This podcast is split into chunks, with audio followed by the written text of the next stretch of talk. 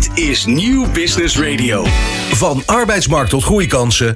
Van bedrijfscultuur tot innovatie. De Ondernemer. Live. Elke dinsdag van 11 tot 1. Live op Nieuw Business Radio. Met Remy Gieling en Jonathan van Noord. Ja, goedemorgen. Leuk dat je wederom kijkt of luistert naar De Ondernemer Live. Mijn naam is Remy Gieling en vanuit onze best wel warme studio op het Mediapark in Hilversum bij Nieuw Business Radio zijn we er weer. Ja, live van 11 tot 1 met uh, De Ondernemer Live. En zoals altijd doe ik dat ook samen met Jonathan van Noord. Goedemorgen. Goedemorgen Remy. Ja, de redactie van de Ondernemer heeft weer een breed palet aan interessante gasten geselecteerd om bij ons uh, aan te schuiven in de studio. Zoals Friso Klapwijk van Metropolder en David Linders van Rembrandt Fusies en Overnames bijvoorbeeld. Met hen gaat het over het verkopen van je bedrijf. Ja, en ook de, de uitdagingen die daarbij komen kijken. Want het gaat niet altijd van een leien dakje natuurlijk. Zeker niet. Dat gaan we horen zo. Ja, daar heb je uh, altijd uh, ook daarom goede adviseurs erbij nodig. Maar we gaan het ook hebben over slim vervoer voor ondernemers. Het uh, Chinese BYD, ook wel bekend als Build Your Dreams. Die parkeert straks een van die mooie elektrische modellen hier voor de studio. We gaan het hebben over ja, hoe dat nieuwe automerk, het nieuw voor Nederlandse begrip in geval, voet aan de grond gaat krijgen hier. Dat doen we uiteraard samen met onze auto-expert, de huge car guy. Roland Tameling, de trouwe kijker en luisteraar, zullen hem uiteraard kennen. En het is ook nog eens de week van R-I-N-E. Jonathan, weet je waar dat voor staat? Ik denk dat we dat, uh, dat we dat straks gaan horen. Dat gaan we zeker straks horen. Dus wil je weten wat R-I-N-E is en waarom jij ook, ook als ondernemer daar wat mee moet, blijf dan vooral kijken en luisteren.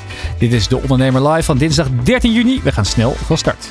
Van arbeidsmarkt tot groeikansen. Van bedrijfscultuur tot innovatie. De Ondernemer. Live. Elke dinsdag van 11 tot 1. Live op Nieuw Business Radio. En we beginnen deze uitzending met het ondernemersnieuws van vandaag. Uiteraard ook terug te vinden op de site van De Ondernemer. Allereerst TechLeap die waarschuwt in een recent rapport dat het voorstel van het kabinet voor een nieuwe belasting op sparen en beleggen investeerders kan ontmoedigen om in start-ups en snel groeiende bedrijven te investeren. Deze belasting maakt het moeilijker voor dergelijke ja, bedrijven om talent aan te trekken met ja, personeelsaandelen.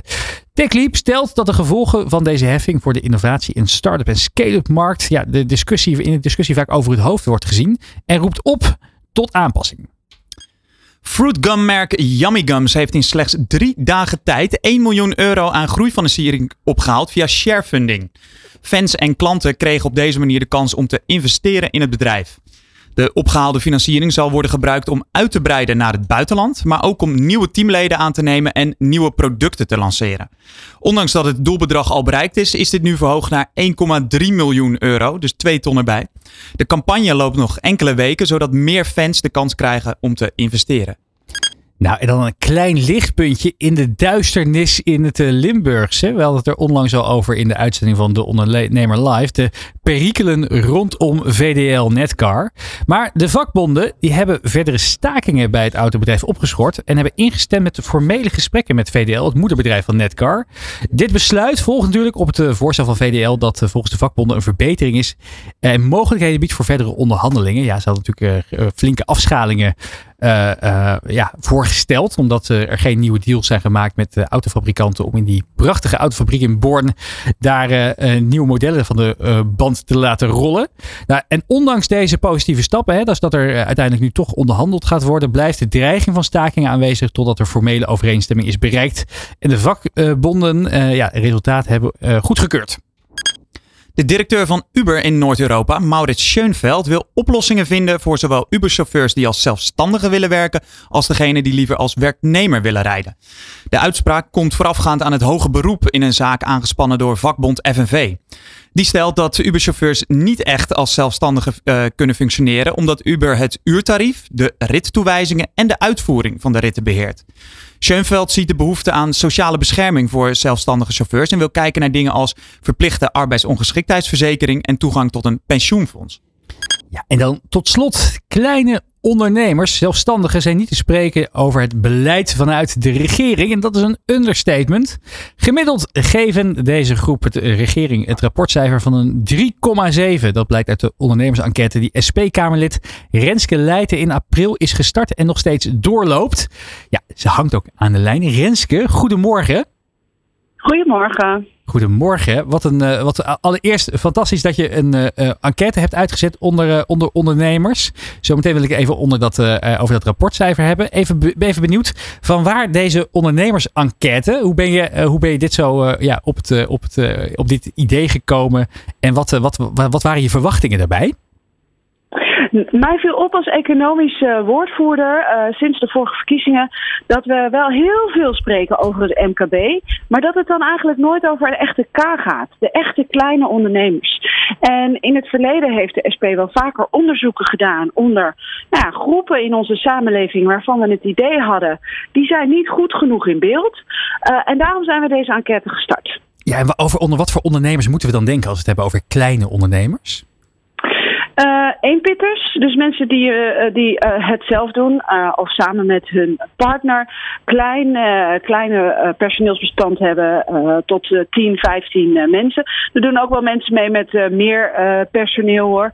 want in principe is het een, een enquête voor MKB. dus ook middenbedrijf mag meedoen. Maar het is echt de bedoeling dat we juist nou ja, de, de winkelier in, de, in de straat horen. de, de opmaker voor uh, bedrijven. Iemand die, uh, die, uh, die niet snel, als het ware, vertegenwoordigd wordt in Den Haag, omdat hij simpelweg de tijd en de toegang niet heeft om hier zijn stem te laten horen. Ja, en dan dat rapportcijfer voor, de, voor het kabinet, een 3,7. Dat, dat is niet best gestemd. Nee, nee. En het is eigenlijk een beetje een opstapeling van van alles. Het heeft te maken met we hebben uh, niet het idee dat de overheid bereikbaar is.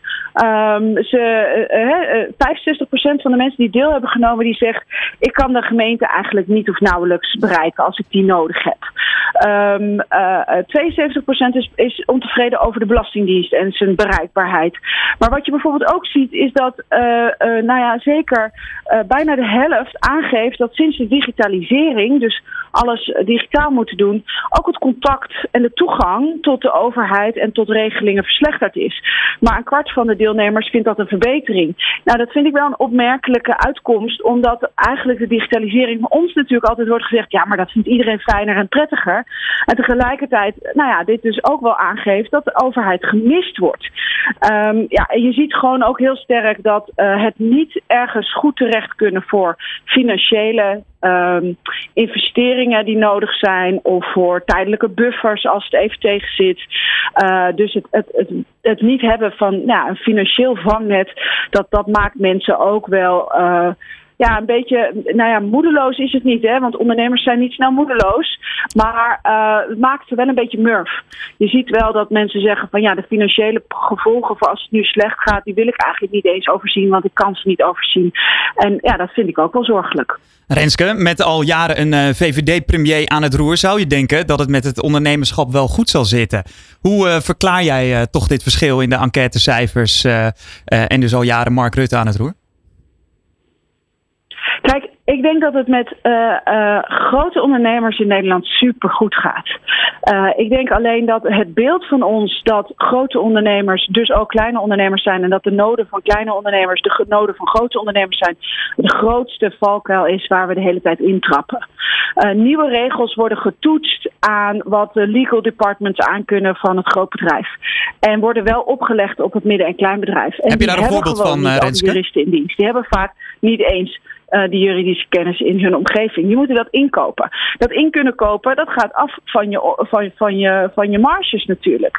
En ik denk dat daar gewoon te weinig oor en oog voor is. En dat is uh, tekenend onder de, dit kabinet. Maar ik denk dat nou ja, het überhaupt moeilijk is om echt kleine ondernemers goed te vertegenwoordigen als die zo hard moeten werken om hun hoofd boven water te houden, financieel gezien. Um, uh, dan is het heel moeilijk om mensen te vertegenwoordigen. Dus het is echt heel erg nodig dat uh, in steden, in winkelstraten in gemeentes, in provincies, maar zeker ook landelijk, er een goed netwerk is. En er zijn wel wat goede netwerken voor het kleinbedrijf, maar al heel snel wordt dat eigenlijk het verhaal van het midden- en het grootbedrijf. Ja, en die hebben de tijd en de middelen om aan te schuiven bij deze liberale premier. Je zegt uh, zelf inderdaad, we, we, hebben misschien te weinig aandacht gehad met z'n allen voor bepaalde groepen, ook in ondernemersland, die, uh, die, die te weinig aan het woord komen. Heb je concrete voorbeelden uit deze enquête waarvan mensen zeggen, ja, ik heb hier, ik heb hier echt problemen van als kleinschalige ondernemer? Ja, wat altijd natuurlijk terugkomt is uh, het loon doorbetalen bij ziekte. En dat is niet een probleem wat niet uh, bekend is. Uh, dat is een probleem dat bekend is. Alleen faalt de regering er toch in om dat op te lossen op een collectieve manier waar mensen zich bij aan kunnen sluiten. wat je ook ziet is dat, um, nou ja, bijvoorbeeld is een MKB-toets, maar die is eigenlijk niet ingericht op K.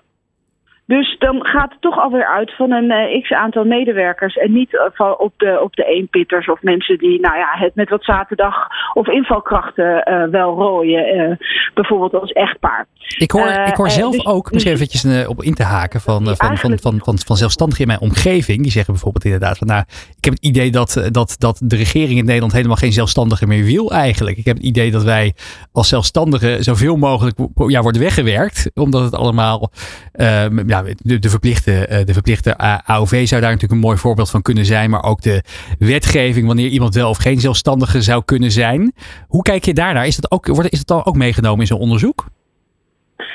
Uh, nou ja, we hebben heel veel open, uh, open invulmogelijkheden in het onderzoek. Dus mochten wij iets echt over het hoofd zien, dan hoop ik dat dat daar wordt ingevuld. Ehm, wij horen dit natuurlijk ook terug. En uh, wat mij dan opvalt is dat eigenlijk de mensen die het invullen zeggen: natuurlijk wil ik dat er goed gezorgd wordt voor uh, mensen die ik in dienst heb. En ik wil ook daar best wel een steuntje voor in de rug.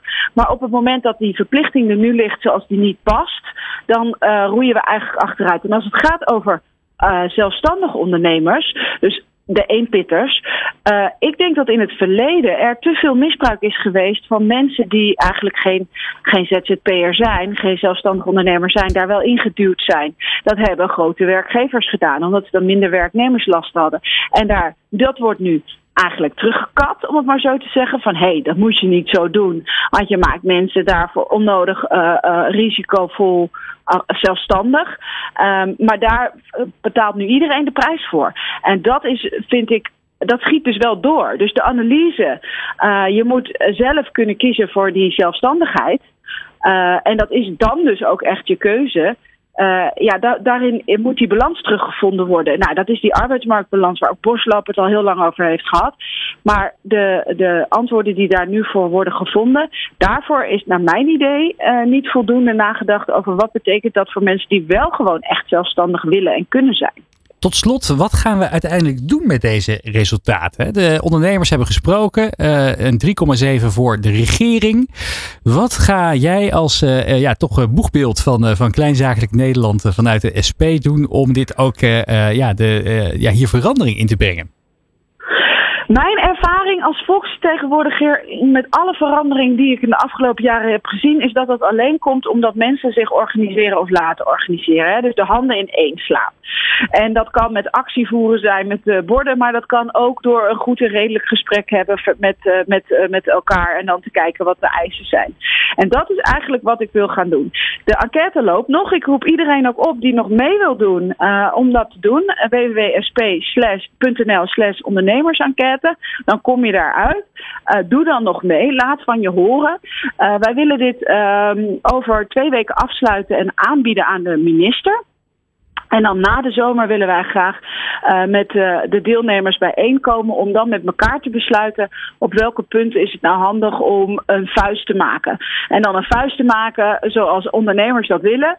Um, en dan bijvoorbeeld richting uh, de begroting van economische zaken ook met die eisen te kijken of we de Tweede Kamer kunnen overtuigen voor de verbetering van het kleinbedrijf. Nou, Renske Leijten, hartelijk dank voor je, voor je, voor je toelichting op dit eh, mooie onderzoek. En inderdaad, kleinzakelijke ondernemers, verenigt u. En vul vooral eventjes die enquête in op de site van de SP als je dat nog niet gedaan hebt. Om mee te kunnen praten over wat Nederland kan doen om je nog beter te laten ondernemen. Renske Leijten, hartelijk dank. Dit is De Ondernemer live op Nieuw Business Radio. Dan de verkoop van je bedrijf. Als ondernemer, ja, als je dat besluit hebt genomen of misschien wel moeten nemen, ja, wat moet je dan, ja, hoe moet je dan handelen? Wie moet je erbij vragen? Wat moet je doen? Wat moet je ook vooral niet doen? Nou, we hebben twee experts hierover in de studio uitgenodigd om hun eigen ervaring daarover te delen. Begin 2022 verkocht Friso Klapwijk zelf zijn bedrijf Metro Polder aan Wavin. Dat werd nogal een avontuur. Daar gaan we over met hem in gesprek. En aangeschoven ook David Linders, projectleider bij Rabrand. Uh, Rembrandt Fusie en Overnames, dat partner is van de Rabobank. Bij de heren, goedemorgen. Dankjewel. Goedemorgen. Goedemorgen. Wat uh, allereerst maar even met jou te beginnen, Friso. De, uh, ja, als je gaat nadenken over een bedrijfverkoop, wat gaat er dan in je om? Hm, ja, mooie vraag. Nou, ik was eigenlijk ook niet op zoek naar het verkopen van mijn bedrijf. Ik was op zoek naar een partnership. Ik was op zoek naar een minderheidsaandeelhouder. Um, dus eigenlijk is dat de vraag die je stelt, dat gebeurde tijdens het hele proces. Uh, de ontwikkeling van, uh, uh, ja, misschien is het wel gewoon een betere stap om eigenlijk het hele bedrijf over te dragen aan Wavin. Het is niet Wavin, maar Wavin. Wavin, dankjewel. Um, en, en, en daar eigenlijk binnen de contouren van zo'n groter bedrijf het concept te laten groeien. Want even voor de kijker en luisteraar, wat, wat, wat doet of deed je organisatie? We hebben in, in 2013 een concept ontwikkeld om platte daken slim waterbergen te maken. Als je naar de stad kijkt, dan ligt er ongelooflijk veel verhard oppervlak. En als je die stad meer als een spons wil laten werken, dan is het platte dak daar een onderdeel van. Dus daar hadden we iets voor ontwikkeld. En dat was eigenlijk onderdeel van mijn eerste bedrijf. En op een gegeven moment heb ik dat uh, onder, eigenlijk een, een, ja, een nieuwe venture voor opgericht. Om dat verder te kunnen doorontwikkelen en te vermarkten. Dus ja, een, een, een, een smart oplossing voor, voor daken. Ja, waarin, uh, ik zie ook op de site staan, bouwen aan gezonde en duurzame omgevingen. Hoe, uh, als we eventjes snel door het proces heen gaan, wat, uh, wat was het moment dat je dacht, oh ja, wacht even, misschien is het idee van een minderheidsaandeelhouder zou kunnen, maar misschien zouden we ook wel eens kunnen nadenken om het te integreren in een andere organisatie. Ja, eigenlijk wat, we, wat er parallel liep aan, aan onze gesprekken was een ontwikkeling binnen Wavin, waarbij ze zagen, Wavin is een bedrijf wat we kennen van de, van de buizen en de fittingen. Um, en uh, was een strategie aan het, aan het ontwikkelen om zich veel meer ook op klimaatadaptatie te richten. Dus eigenlijk wat, bredere en, en andere positie in de markt in te nemen. En eigenlijk was ons conceptje, of ons concept, was zat precies in de sweet spot van, van die strategie. Uh, dus hoe meer we aan het praten waren, hoe meer het ook duidelijk werd van ja, hoe ingewikkeld is het om een bedrijfje van zeven man tegen opzichte van een bedrijf van 12.000 uh, mensen, hoe, hoe, hoe, hoe, ga je dat op langere termijn organiseren? En tegelijkertijd had ik zelf eigenlijk ook wel, al pratend met hun, zin om met die strategie in de gang te gaan. Dus het was ook een, voor mij een kans. Ik was toen nou, 11, 12 jaar ondernemer. Uh, begon ook mee, denk ik, achteraf gezien een beetje mijn houdbaarheidsdatum te bereiken als ondernemer. Wat bedoel je daarmee? Ja, nou ik denk dat als je langer dan, um, als je wat langer ondernemer bent, dan heb je op een gegeven moment zo'n cadans van, van dingen die altijd weer terugkomen. Er is altijd, eh, als ik maakte elke zondagavond zo'n overzichtje van wat te doen deze week. En dan was altijd mijn actiepuntenlijst van de urgente dingen, die was altijd verschrikkelijk lang. Die past eigenlijk niet op één blaadje. En lag misschien ook wel aan mezelf, maar het, op een gegeven moment zit daar een soort van uh, nou ja, houdbaarheidsdatum aan, denk ik. Je ziet er natuurlijk heel veel ondernemers die na tien jaar nou ja, of, of dan toch onderuit gaan, of een restaurant gaan kopen, of nou ja, andere gekke dingen gaan doen. Voor mij was dit een logische stap. En toen kwam dus op, op precies het juiste moment kwam, kwam Wavin voorbij en jullie voelden een match.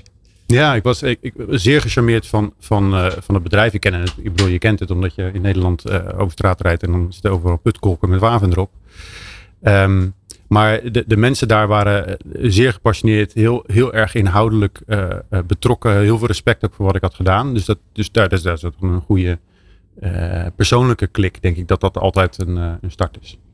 David, uh, ja, projectleider bij Rembrandt Fusies en Overnames. Wat uh, fascineert jou aan de markt voor ja, bedrijfsverkoop, ofwel ja, de, de samengang van verschillende organisaties? Ja, wat ik heel, heel leuk vind uh, in de proces is dat het niet een puur uh, financieel proces is, maar dat er ook best wel veel emotie bij komt kijken. Dus dat is denk ik ook wat Friso beschrijft, dat hij uh, echt een goed gevoel had bij, bij Wavin en dat de mensen gepassioneerd zijn.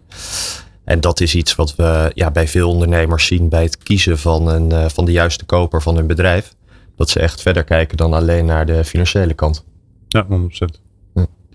Um, kan jij uitleggen, uh, David, welke rol eh, jullie spelen als Rembrandt bij een, eh, bij een overname. Dan gaan we het straks hebben over de, de Rocky Road naar de, naar de overname van Friso. Maar eerst even gewoon eh, Ja. wat jullie doen. Ja, zeker. Ehm, ja, we begeleiden eigenlijk het hele proces van A tot Z. Dus dat kan zijn zoals in het geval van Friso dat iemand al is benaderd door een kopende partij. Maar nog vaker is het eigenlijk zo dat een ondernemer nog niet de juiste koper heeft. Dus daar begeleiden we hem dan in. We gaan op zoek naar die koper voor zijn bedrijf. Eh, we gaan kijken wat zijn bedrijf waard is. Eh, we zetten het in de markt voor hem. En dan eigenlijk het hele proces totdat je bij de notaris zit, begeleiden we voor hem. En dat, dat op zoek gaan naar een koper vind ik wel een interessante. Hebben jullie dan een kaartenbak voor elke categorie wel wat potentiële kopers? Of gaan jullie eh, e- echte boeren op? Hoe moet ik dat zien? Eh, ja, we hebben inmiddels, als Rembrandt bestaan we nu eh 20 jaar. Dus we hebben inmiddels best een flinke kaartenbak bij elkaar gesprokkeld. Ehm, en in bijna elke sector hebben we overnames gedaan. Dus we weten ook per sector welke bedrijven daar aan het acquireren zijn. En welke, eh, ja, welke minder geïnteresseerd zijn. De Ja, hebben, ik, ik Ja. zie ook prachtige klantcases op jullie site staan. Van Henk-Jan Beltman van Tony Chocolonely. Ja. Tot Jeroen Derwoord, Game Basics. Voor onder de misschien wat, eh, wat, eh, eh, wat meer overwegend mannelijke kijker en Ja. luisteraar bekend van de Online Soccer Manager onder andere. Klopt, ja. Hoe, ehm ehm, eh, Friso, als jij keek, waar in het proces ben jij op zoek gegaan naar advies hierover? Ja. Eh, eigenlijk, nee, ik heb ik, ik- een hele goede accountant en ik had een, eigenlijk een, een, een advocaat waar ik al heel lang mee werkte. Dus dat was een, een, een, Een soort ja, klankbord voor je. Ja, ja eh, me- meer dan puur het, het, zeg maar het, het advies waarvoor je ze puur inhuurt. Ehm, en ik heb een aantal ondernemende vrienden om me heen die, eh, die altijd eh, nou ja, klaarstaan met hun mening. Ehm, eh, en dat helpt, want je moet gewoon. En, en mijn vrouw niet te vergeten, want dat die, eh, die is altijd eh, aan boord om, eh, om scherp eh, te zijn op wat er moet gebeuren. Eh, maar eh, ja, omdat het zo'n. Ik, ik was niet zeg maar bezig en ik, eh, ik had niet de mentale stap al gemaakt van ik, ik, ik ben bezig met een overname. Ik was, ik was aan het zoeken naar. Financiering of eh, ja, ja, nou dat is het punt. Ik, ik wilde dus niet puur financiering, want ik, strategische partnerships. Exact. Wij hadden eh, in, in de, in de COVID-tijd hadden we een, eh, aan de ene kant eh, ging heel veel, veel trager, maar tegelijkertijd ging iedereen online. En die waterwereld, dat is een, een wereldwijde wereld en iedereen kijkt naar Nederland. Dus we hadden in die COVID-tijd zoveel webinars ge- gegeven of uitgenodigd. Dus we hadden letterlijk projecten van Japan, eh, Sydney tot aan eh, eh, Westkust Amerika. Ja, en dat, dat met een team van zeven, dat ging niet. Nee. Ehm, dus toen Waving kwam, dat was eigenlijk precies. Ja, ik, ik was op zoek naar een technologiepartner, maar ook naar een commerciële partner. Die, die ook nou, op het gebied van logistiek. Ik bedoel, ik stond zelf eh, eh, projecten in te pakken om, om naar Guatemala te versturen. Ja, dat sloeg natuurlijk helemaal nergens op. Ehm, dus dat was, dat was eigenlijk de timing. En daarom, eh, ja, dus even terugcirkelend op je vraag. Dat Ja. was niet, ik was niet op zoek naar een overname, ik was op zoek naar een, partner. En, en dan wordt het natuurlijk, en je noemde het Rocky. Het, omdat ik zelf mentaal er nog niet aan toe was, eh, heb ik ook niet op. eh, ja, ik, ik heb niet Rembrandt gebeld. Eh, Nee. Ja, want le- leg eens uit, hoe ging die, die overname? Wel- Welke onverwachte hobbels kwam je, kwam je zo al tegen? Nou, op zich, terugkijkend, denk ik dat het allemaal nog, nog steeds prima is gegaan. Ik denk dat het met name in mijn, tussen mijn eigen oren zat. Ehm, kijk, om, omdat ik niet bezig was met een overname, was mijn bedrijf ook niet verkoopklaar. Gewoon op hele basisdingen als arbeidscontracten. Iedereen had een goed arbeidscontract, alleen het waren wel van de zeven mensen vijf verschillende versies. Eh, ik had, eh, we hadden weet ik, veel, 40 eh, onderhoudsklanten. Die hadden denk ik tien verschillende versies van een onderhoudscontract. En dat is voor mij geen probleem, want het was allemaal nog overzichtelijk. En we waren nog niet aan die echt die schalingsfase bezig. Maar als dan een partij als Waving komt, ja, die, die, die, die willen gewoon alles standaardiseren. Dus Die verwachten dat ernaar. Precies. En die kijken ernaar en die denken, "Hmm, dit is gek. Is en er dan iets wat je veel hoort, David? Ja, zeker. Ja, zeker als ondernemers benaderd worden, dan zien we vaak dat ze op een heleboel vlakken nog niet, eh, ja, niet klaar zijn voor de verkoop van hun bedrijf.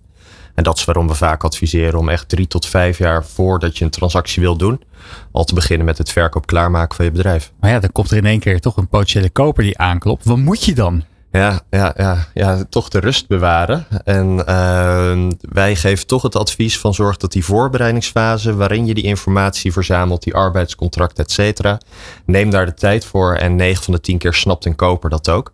Want de koper die wordt dan ook beter geïnformeerd en dat is ook fijn voor zo'n koper. Ja, is dat ook wat jullie hebben gedaan? nee. Nee.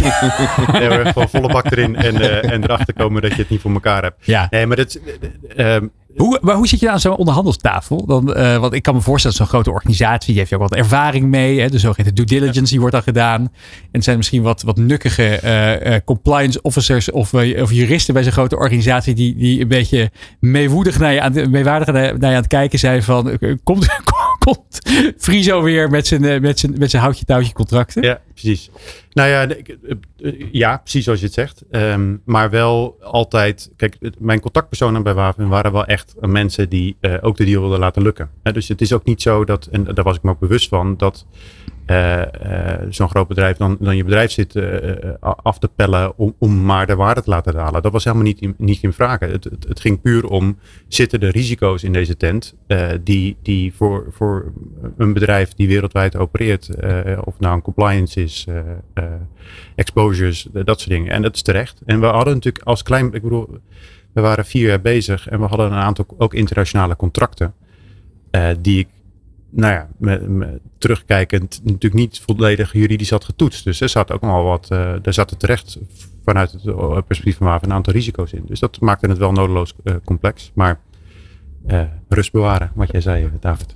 Friso, je hebt het over internationale klanten. Ik ben ook wel benieuwd hoe reageren zij bijvoorbeeld op, eh, eh, op het feit dat je. eh, ja, Ik heb, nou ja, een aantal vonden het heel mooi. Hè, want die, die, die, het, zaken doen met een klein bedrijf, zeker internationaal, is natuurlijk altijd een risico voor een klant. Van ja, zijn ze er nog en hoe gaat dat? En, en ik heb er twee gehad die woedend waren, want die hadden ons willen kopen. ah, Dus het was ook wel. je had het moeten zeggen. ja, ja, nou ja, goed.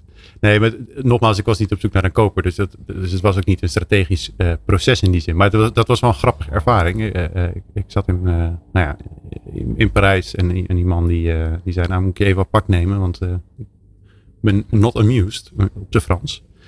Ja, dus dat was grappig.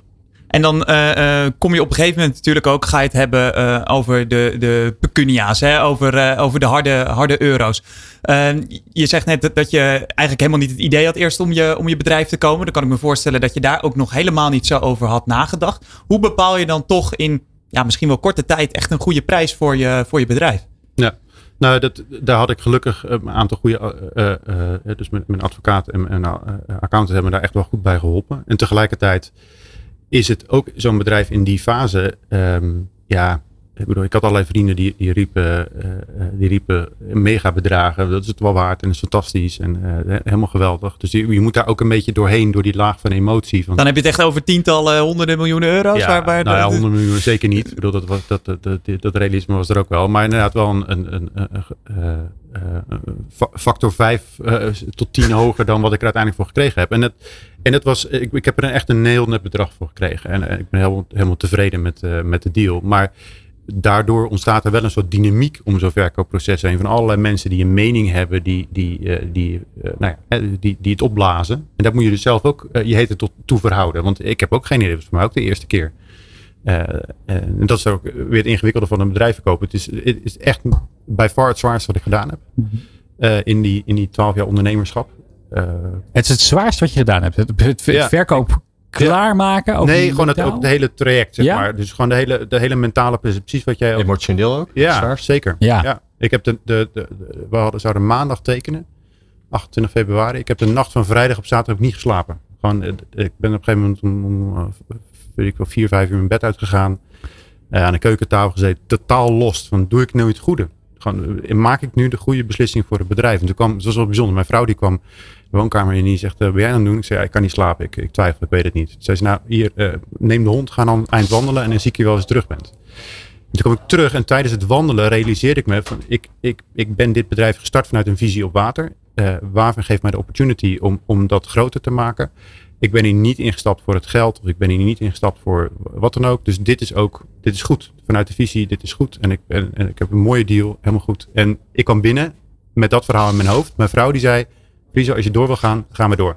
Laten we de deal schieten. Dus het was ook een super bevestiging vanuit mijn vrouw. Van, ik bedoel, als ondernemer, eh, zeker met zo'n start-up, er is altijd geldstress en er is altijd giga-risico's waar je omheen danst of doorheen danst. Ehm, dus het was, eh, was waanzinnig. Eh, eh, eh, toen besloten, gaan doen. David, kom je dit soort verhalen vaak tegen? Ja, dit is die emotionele kant die ik aan het begin uh, benoemde. En die is, ja, dat is wat we gewoon heel vaak tegenkomen bij ondernemers. En wat het vak dus ook zo leuk maakt. Word je ook s'nachts je bed uitgebeld? Of uh, voor mentaal advies? niet, maar in het weekend of in de avonturen word je regelmatig gebeld door ondernemers. Uh, ja, wat jij aangeeft, ze doen het één keer in hun leven, hebben enorm veel vragen. En uh, ja, dan zijn wij daar om ze daardoor heen te begeleiden. Het is denk ik ook wel een beetje het, het uit handen geven van jouw kindje. En helemaal, een, eh, je schetst een, een, een bedrijf met 12.000 uh, mensen. Ik kan me voorstellen dat het misschien in je hoofd veel onpersoonlijker wordt. En nou, wat, wat doet mijn personeel aan? Ja, precies, het, het, kijk, het team heeft gekozen voor de visie en, en misschien ook wel voor mij in zekere zin als een leider. En dan kom je ineens in zo'n... Dus dat, is, dat zijn allemaal dingen die op de achtergrond ook uh, uh, meespelen. Inderdaad, lange termijn. Uh, dit concept is niet een. En het is niet een, easy, easy sell, zullen we zeggen. Dus je moet echt commitment hebben als organisatie om dat te laten groeien. Nou, weet je, zit dat erin? ja, mijn spokespartners wel. Maar daarachter zit inderdaad die 12.000 people organisatie. Dus ja, dat, is, dat zijn allemaal dingen die door je hoofd heen schieten. En inderdaad, wat David zegt, je doet het vaak maar één keer. Hè? Dus het, is ook niet, er is niet een rugzak van ervaringen waaruit je kan, uh, kan, kan bouwen. En Friso, je bent nu uh, inmiddels dus onderdeel van die 12.007 ja. mensen. want je bent in loondienst gegaan ja. bij, bij de koper, bij Wavin. hoe bevalt dat? Ja, het is waanzinnig leuk. Ik heb echt het, natuurlijk een voorrecht om, om hiermee verder te mogen gaan binnen zo'n grote organisatie. dus nee, het valt heel goed. en, en natuurlijk, ja, het is, het is heel anders. Maar, maar, kan je het loslaten? Want je bent nu niet meer de nou. ondernemer, de, de, de, de drijvende kracht erachter de motivator ja, van mensen. Ik, ik, voel me nog steeds echt een ondernemer. Ook binnen zo'n groot bedrijf is het gewoon. Ik bedoel, ik ben ook voor een deel de voice of the customer. Ik praat heel veel met klanten en die breng ik weer mee naar binnen. En ik ben eigenlijk wel dankbaar dat ik een veel groter. Ik heb een enorme marketingorganisatie. Dus als ik een idee heb, dan zijn er veel meer mensen die ermee aan de slag kunnen. David, je hoort natuurlijk wel vaak dat ondernemers ook uh, vanwege de zogeheten earn-out afspraken nog een tijd blijven werken bij de, bij de organisaties. Moet je uh, ze daar ook een beetje mentaal op voorbereiden? Ja, ondernemers hebben vaak toch wel een eigen mening. Daarvoor zijn ze ook ondernemer uh, geworden, omdat ze het zelf anders willen doen. En uh, ja, dat kan botsen als ze dan opeens voor, voor een baas moeten gaan werken. Ja. en daar proberen ze op voor te bereiden. Maar ja, ik vind het knap wat Friso zegt, dat hij daar goed mee omgaat. Heb je een voorbeeld? Hoe doe je dat? Hoe, hoe bereid je ondernemers die toch vaak een beetje eigenzinnig zijn natuurlijk daarop voor? Nou, we hebben natuurlijk best wel veel gesprekken met die potentiële kopers op voorhand. En ja. we proberen voor, ja, soms wel eens wat voorbeelden op tafel te leggen van hey, hoe zou jij erop reageren? Hoe zou de koper daarop reageren? En dan eens kijken hoe die dynamiek tussen die twee partijen is. En dan merken ze gauw genoeg wel of er een klik is. Ja, ja wat ik, ik hoorde wel eens een ondernemer die zei ook van ja, toen in het koopproces hè, ben, je, ben, je, ben je gewoon heel belangrijk. Want dan, ze willen graag een deal met je maken. Je bent de ondernemer. En op een gegeven moment word je inderdaad toch onderdeel van een groter team. En krijg je mhm. gewoon een leidinggevende boven je. En dan verandert die dynamiek heel erg. Dus ik kan me voorstellen dat je daar wel bewust van moet zijn. Ja, zeker. Ja. Maar ik denk, denk dat het ook, sorry als ik, ik denk dat het ook heel veel met je eigen mindset te maken heeft. Hè? ga je je bedrijf verkopen en, en moet je even nog de tijd uitzitten? Ja, ja dat is een garantie op failure natuurlijk. Maar ik ben erin gegaan echt met, ik wil dit, ik wil Wavin ook helpen om het heel groot te maken. Ja, ik wil het groot maken. Dat is wel essentieel Je moet echt committeren aan het bedrijf. En de missie die je had, uh, voortzetten eigenlijk. Ja, en dat het complex is. Ja, natuurlijk. Elk, elk bedrijf is complex. Uh, en een groot bedrijf is complex op een andere manier. Dus ja, als je, dat, als je daar niet aan committeert, ja, dan wordt het een, een bloederig proces. Nog één laatste vraag misschien misschien uh, eerste voor jou, uh, Friso, van als je iets anders had te kunnen doen in het proces, wat had je, wat had je anders gedaan met de nou, kennis van nu? Exact wat David uh, zegt. Gewoon echt nadenken over een bedrijf verkoop klaarmaken. Ook als je misschien nog niet mee bezig bent. Ja, dus wij hebben een ik heb ook nog een andere onderneming. En daar, daar zeg ik hetzelfde tegen de, tegen de directeur. We gaan, je moet, ik, bedoel, ik hoop dat we nog 50 jaar het bedrijf hebben. Maar maak het nou zo dat het mocht, het, mocht de situatie veranderen of wat dan ook, dat je het uh, klaar hebt. En het is, ja, het is gewoon consistent ergens aan, met hem aan werken. En David, dan, uh, wat is daar een, een goed startpunt voor? Hoe, wat het klinkt natuurlijk heel groot, hè? Uh, werk aan het werk elkaar klaarmaken. En mensen kunnen uiteraard Rembrandt bellen voor, voor, voor, voor advies, raad en daad. Maar hoe zou je nou, als, als je vanmiddag denkt van oké, wat is nou een klein stapje wat ik zou kunnen nemen om daar een goede aftrap mee te maken? Um, ja, er zijn denk ik twee dingen. Eén, uh, kijk eens naar je administratie. Over het algemeen is de koper natuurlijk een grotere partij en die zit ook professioneler in elkaar. En kijk eens in je administratie van als ik dit nu zou overdragen aan een derde, snapt hij mijn administratie dan en is alles daar goed in vastgelegd? Ja. Ehm, dat Zijn, we- zijn de contracten misschien uniform? Precies, ja. Zijn de contracten uniform? Zijn er überhaupt contracten? Een heel groot gedeelte van MKB Nederland die heeft geen contract. Eh, maar er staat ergens een e-mailtje of er is een keer gebeld. Dus ik denk dat dat heel belangrijk is.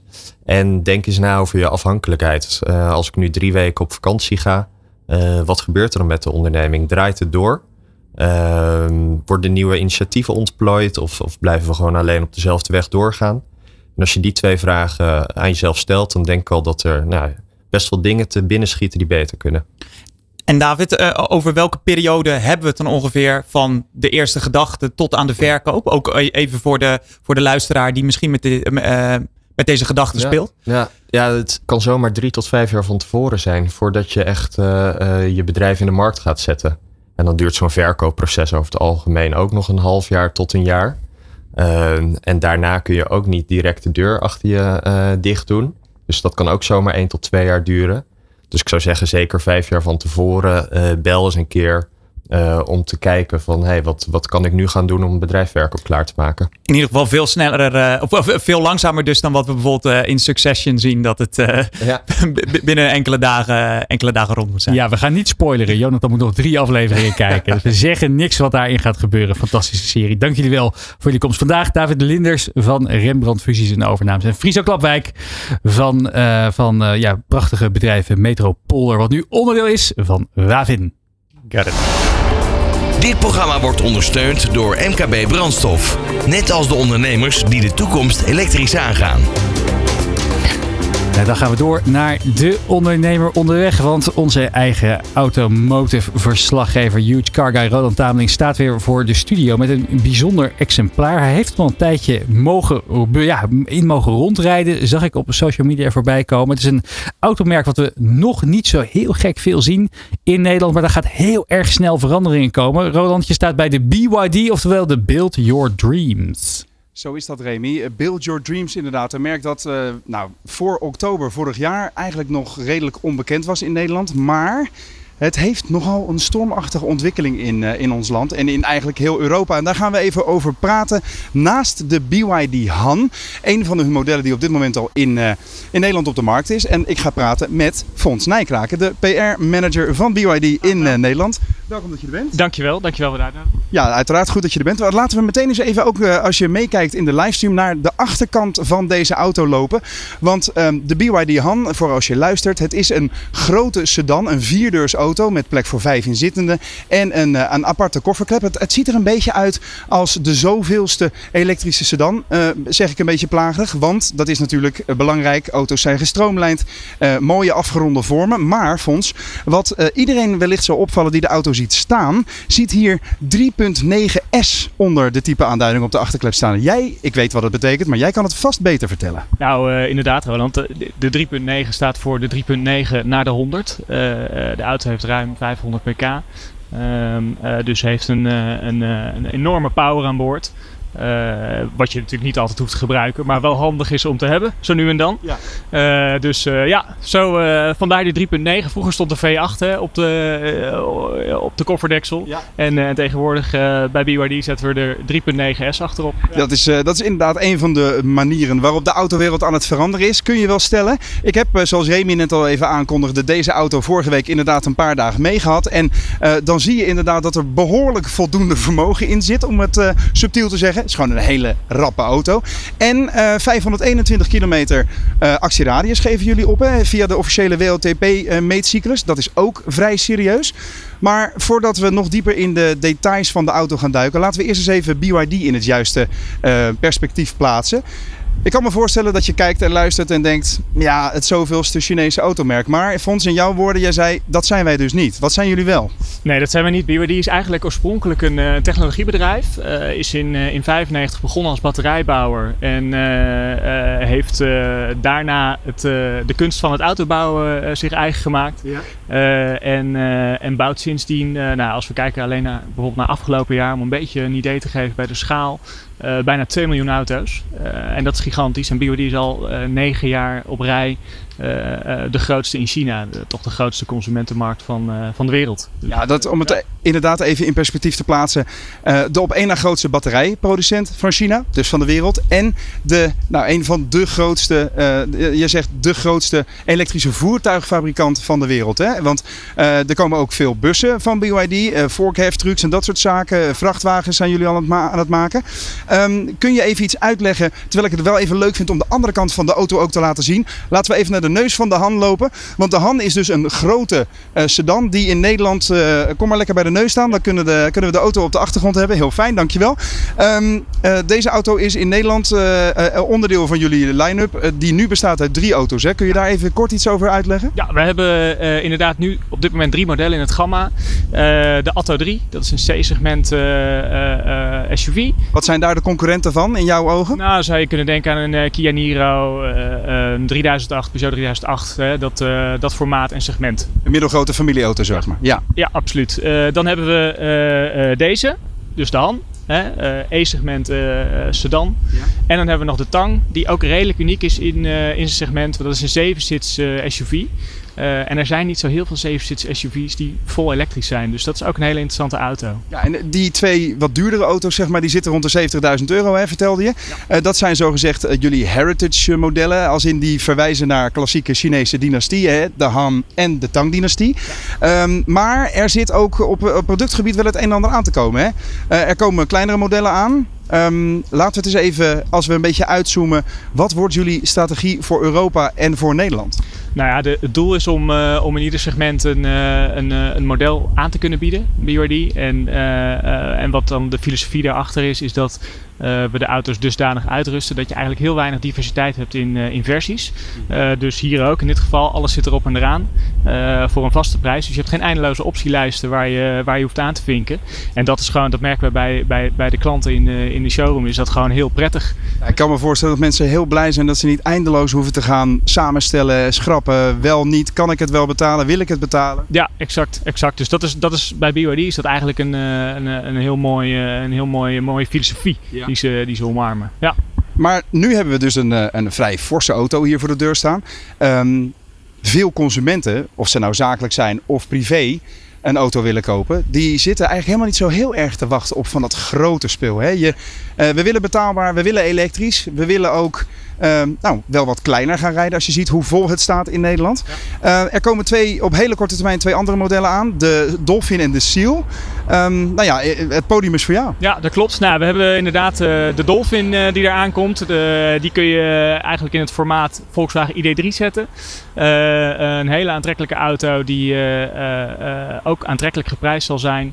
Wat kunnen we daarover verklappen dan? Nou, daar kunnen we nog niet zo heel veel over verklappen, maar eh, houd vooral onze website in de gaten, bwdauto.nl, want daar eh, eh, wordt, het allemaal, eh, wordt het allemaal bekendgemaakt en dat zal, dat zal hopelijk niet meer heel lang duren. Nou, dat wordt onder de 30.000 mag ik hopen, toch? Eh, nou, de- de- die- jij zegt het. eh, we gaan het zien, eh, Roland. Eh, Beetje plagen mag wel, wees eerlijk. Beetje plagen mag hoor, beetje plagen mag. Eh, en daarnaast hebben we nog de Seal die eraan zit te komen. Dat is ook een hele interessante auto. Dat is een beetje een, eh, een Model 3 formaat, iets groter. Eh, eh, eh, dus die zal in dat segment, eh, in dat segment gaan opereren. Dus eh, erg mooie auto als ik het zelf, eh, zelf zeg. Ja. Ja, dat mag jij zelf zeggen, want we spreken voor eigen parochie natuurlijk. Laten we eens even naar de achterbank van deze BYD Han gaan kijken. Want ehm, dit is dus een auto die niet zozeer is gericht op ehm, eh, mensen die een, eh, een compacte, voordelige auto willen.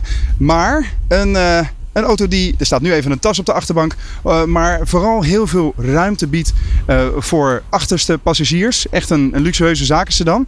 Ehm dat brengt mij, Fons, bij jullie klanten in Nederland. Wat voor types komen nu de BYD-showrooms binnenlopen?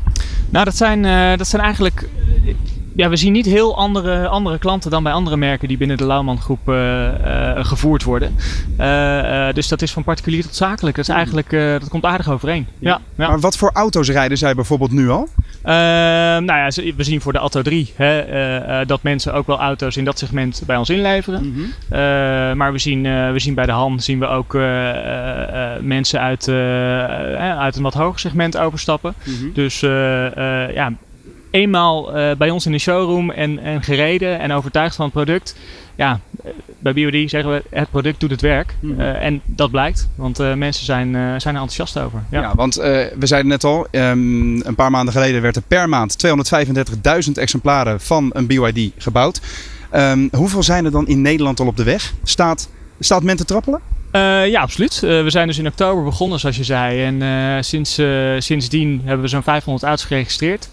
Eh, en nou ja, dat, het duurt natuurlijk altijd even voordat een merk een beetje tractie en bekendheid heeft in het land. En daar werken we met z'n allen hard aan. Maar we zien dus al dat, dat mensen de weg naar onze show weten te vinden. Dus dat is hartstikke mooi. Ja. Ehm, een vraag die mij vaak gesteld wordt als het gaat over Chinese auto's, dan is het: ehm, moet ik dat wel aandurven? Eh, zijn ze zo goed als de concurrentie uit Europa? Zijn ze zo goed als, ehm, als je hoopt dat ze zijn? Merk jij iets van. Nou, laat ik het anders zeggen. Hoe, hoe zie jij dat de, de potentiële koper BYD benadert? Ehm, nou, de, koper die komt met een open vizier en is gewoon heel nieuwsgierig. Want eh, BYD is, is nou, vergis je niet, is een, is een enorm technologiebedrijf. eh, wat overigens niet alleen in automotive zit, maar ook in, eh, eh, in solar oplossingen, thuisaccu's. In, in Azië hebben ze monorail systemen. Ze bouwen al hun chips, hè, al hun technologie in de auto bouwen ze zelf in-house. Dus dat zorgt voor een enorme betrouwbare en efficiënte aandrijflijn. En, ehm, eh, en daardoor zijn we ook eigenlijk niet, niet zo heel gevoelig voor alle chiptekorten die we natuurlijk gekend hebben eh afgelopen jaren met corona. Omdat we alles zelf kunnen, kunnen bouwen en ontwikkelen. Ja, dat is het voordeel dat je ehm, eh, inderdaad alles, eh, alles in eigen beheer doet. Dus kun je ook, eh, zeker als de economie mee zit en de klanten klaarstaan voor je producten, kun je snel opschakelen. Dat is feitelijk wat er nu gebeurt dus ook. Wat zijn jullie plannen voor de Nederlandse markt? Want er zijn nu een aantal plekken is er waar je BYD's kunt, kunt, kunt halen in Nederland. Hoeveel zijn dat er nu? Dat zijn er nu twee. We hebben een winkel in, in Amsterdam en in Rotterdam. En we zijn druk bezig om dat netwerk verder uit te breiden. We hebben daarnaast ook servicepunten in Eindhoven, Arnhem en Groningen. Dus op het moment dat mensen een BOD hebben aangeschaft, dan kunnen ze heel makkelijk bij hen in de buurt kunnen ze de auto laten servicen als dat nodig is. Eh, en eh, het verkoopnetwerk zijn we ook hard aan het uitbreiden via het bestaande Lauwman-netwerk, wat natuurlijk gigantisch is in Nederland. Ja, dat kan een enorm voorbeeld zijn. Maar is er dan ook een andere aanpak eh, binnen de Lauwman groep? Hè, wat je onder andere ook kunt kennen als importeur van Toyota en Lexus. Ehm, pakken jullie het bij BYD anders aan? Of is het eigenlijk gewoon copy-paste? Nee, het is geen copy-paste. In principe hebben we, hanteren we een online first strategie. Eh, dus dat wil zeggen, ook omdat de auto's natuurlijk, hè, wat ik er net al zei, eh, eigenlijk heel compleet al zijn eh, in de basis, ja, valt er weinig te kiezen. Dus op het moment dat mensen bij ons komen proefrijden en ze gaan naar huis, dan kunnen ze de auto ook gewoon online bestellen. En dat is, dat is uiteindelijk de, de strategie waar we met BYD naartoe willen. Ja. Hoeveel heb je er nog staan op voorraad dan? Uh, nou, we hebben natuurlijk altijd een aantal staan. Hè? Want uh, de auto's die komen, die komen uit China. Uh, maar exact aantal, ja, dat, dat moet ik je schuldig blijven. Laten we nog eventjes het achterste portier van de, van de hand dicht doen. Mag jij achter het stuur gaan zitten van deze Executive Business Sedan? Um, ja, het is inderdaad wel een, een, een, een indrukwekkende auto. Wat mij is, uh, ook ter oren is gekomen, is dat deze auto mede door kunstmatige intelligentie is ontworpen. Om hem zo efficiënt mogelijk door de lucht te laten glijden. Ja, uh, Fons, jij zit inmiddels achter, achter het stuur op een soort terracotta kleurig leer. Het ziet er allemaal behoorlijk luxueus uit. Um, 3,9 seconden van 0 naar 100 inderdaad. Um, op het gebied van, uh, van, van uh, de prijsconcurrentie. Is dat momenteel jullie sterkste uh, um, argument om de gevestigde orde van het schaakbord te tikken? nou, in ieder geval wakker te schudden. Ja, ja. en uh, we hopen ook inderdaad van het schaakbord te tikken. Uh, uh, natuurlijk is de markt is, is, is heel dynamisch, maar er is absoluut ruimte voor een merk als BYD wat zich onderscheidt. Nou, je ziet het er zelf, super compleet en, en een hoge bouwkwaliteit. Dus ik zou vooral zeggen, kom eens een keer kijken.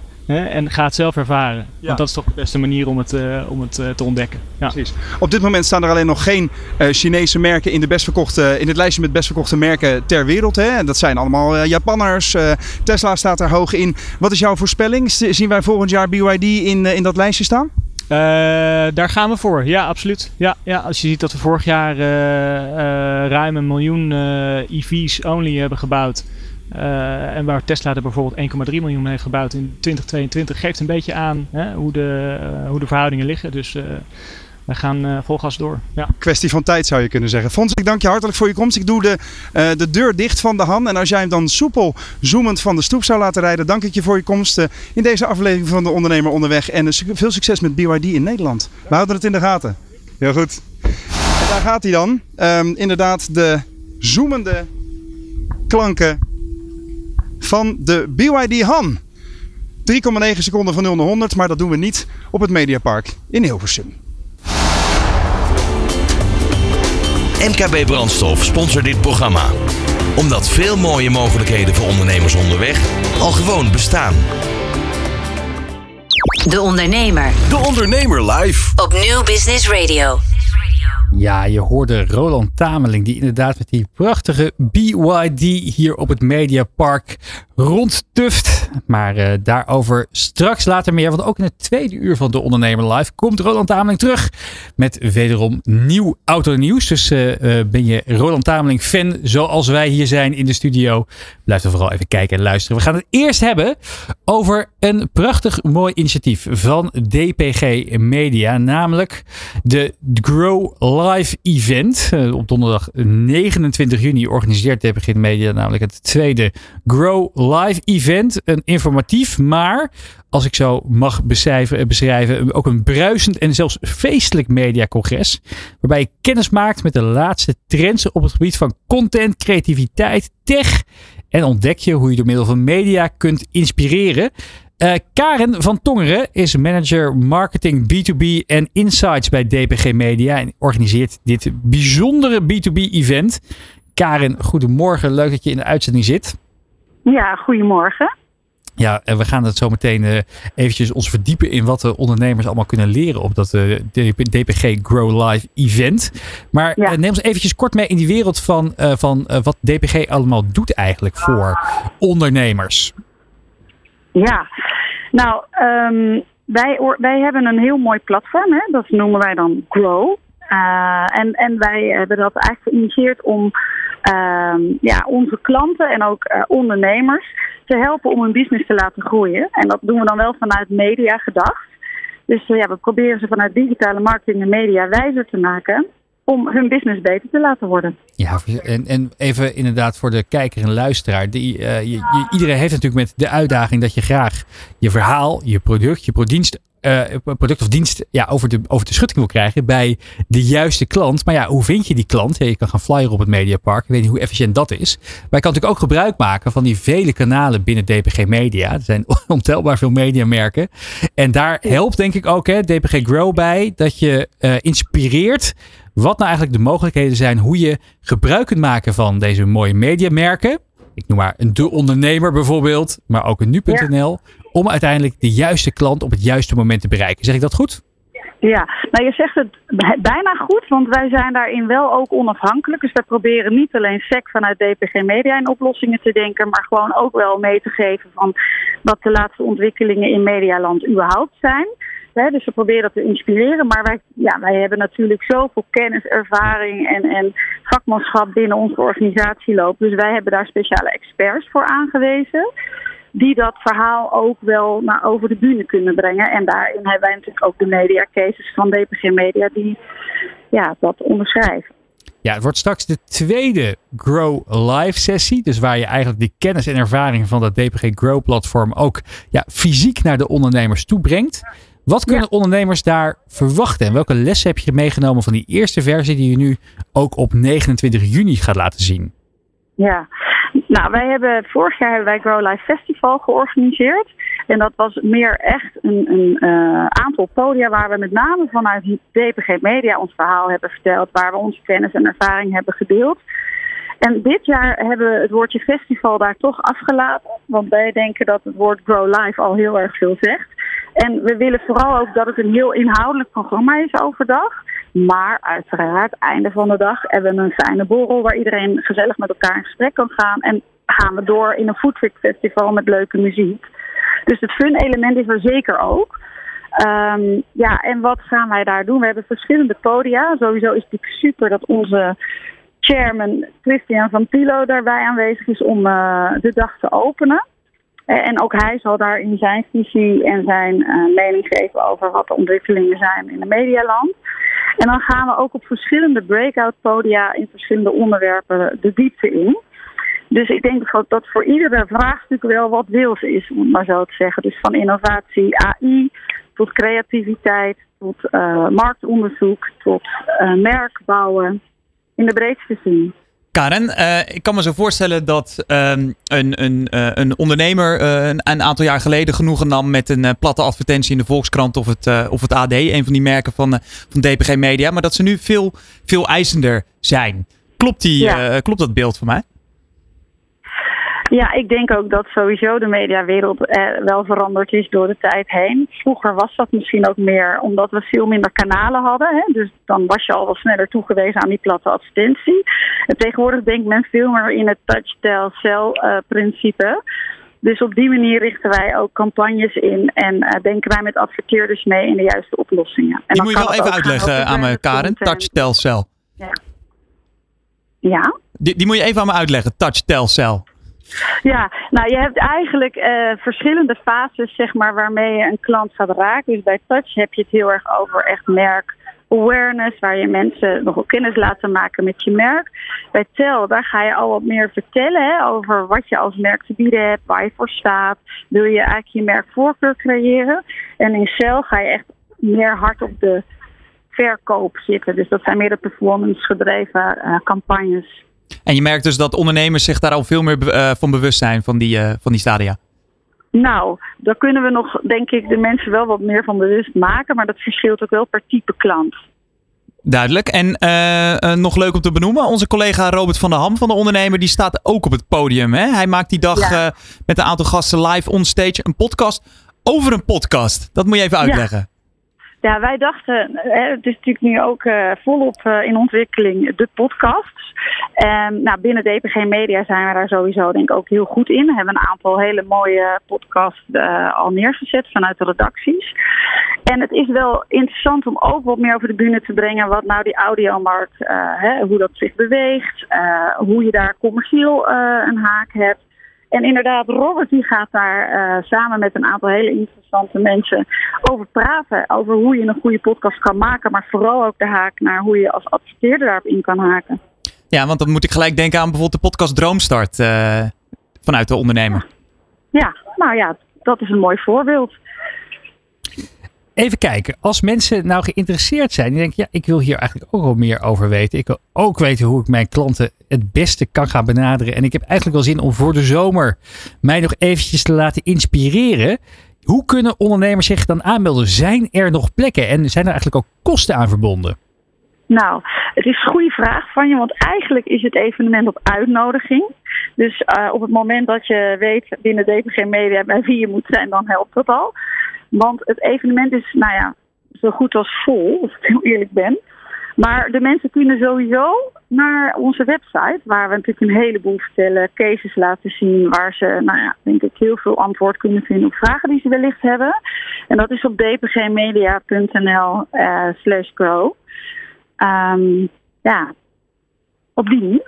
Ja, dat lijkt me een hele mooie call to action. Om eh, zo eh, ook even in marketingtermen te blijven. En eh, Ja. inderdaad, ben je geïnteresseerd in die inzichten. En misschien ook nog wel even een kijkje te kunnen nemen op die dag zelf. Dan is er meer informatie te vinden. Onder andere op dpggrow.nl. Karen van Tongeren van DPG Media, hartelijk dank voor je toelichting vandaag. Dit is De Ondernemer live op Nieuw Business Radio. Ja, we gaan er even tussenuit voor de break. Zo dadelijk zijn we terug met uur 2 van De Ondernemer Live. We bellen met redacteur Tijmen de Groen in Hoofddorp. Hij gaat vertellen welk ondernemersnieuws nu echt hyperactueel is. Roland Tameling, kom terug. We hebben het over RINE met niemand minder dan Tim Coronel. En nog eh, veel meer andere ondernemende onderwerpen. Mis het niet. Tot zometeen. Van arbeidsmarkt tot groeikansen. Van bedrijfscultuur tot innovatie. De Ondernemer. Live. Elke dinsdag van 11 tot 1. Live op Nieuw Business Radio.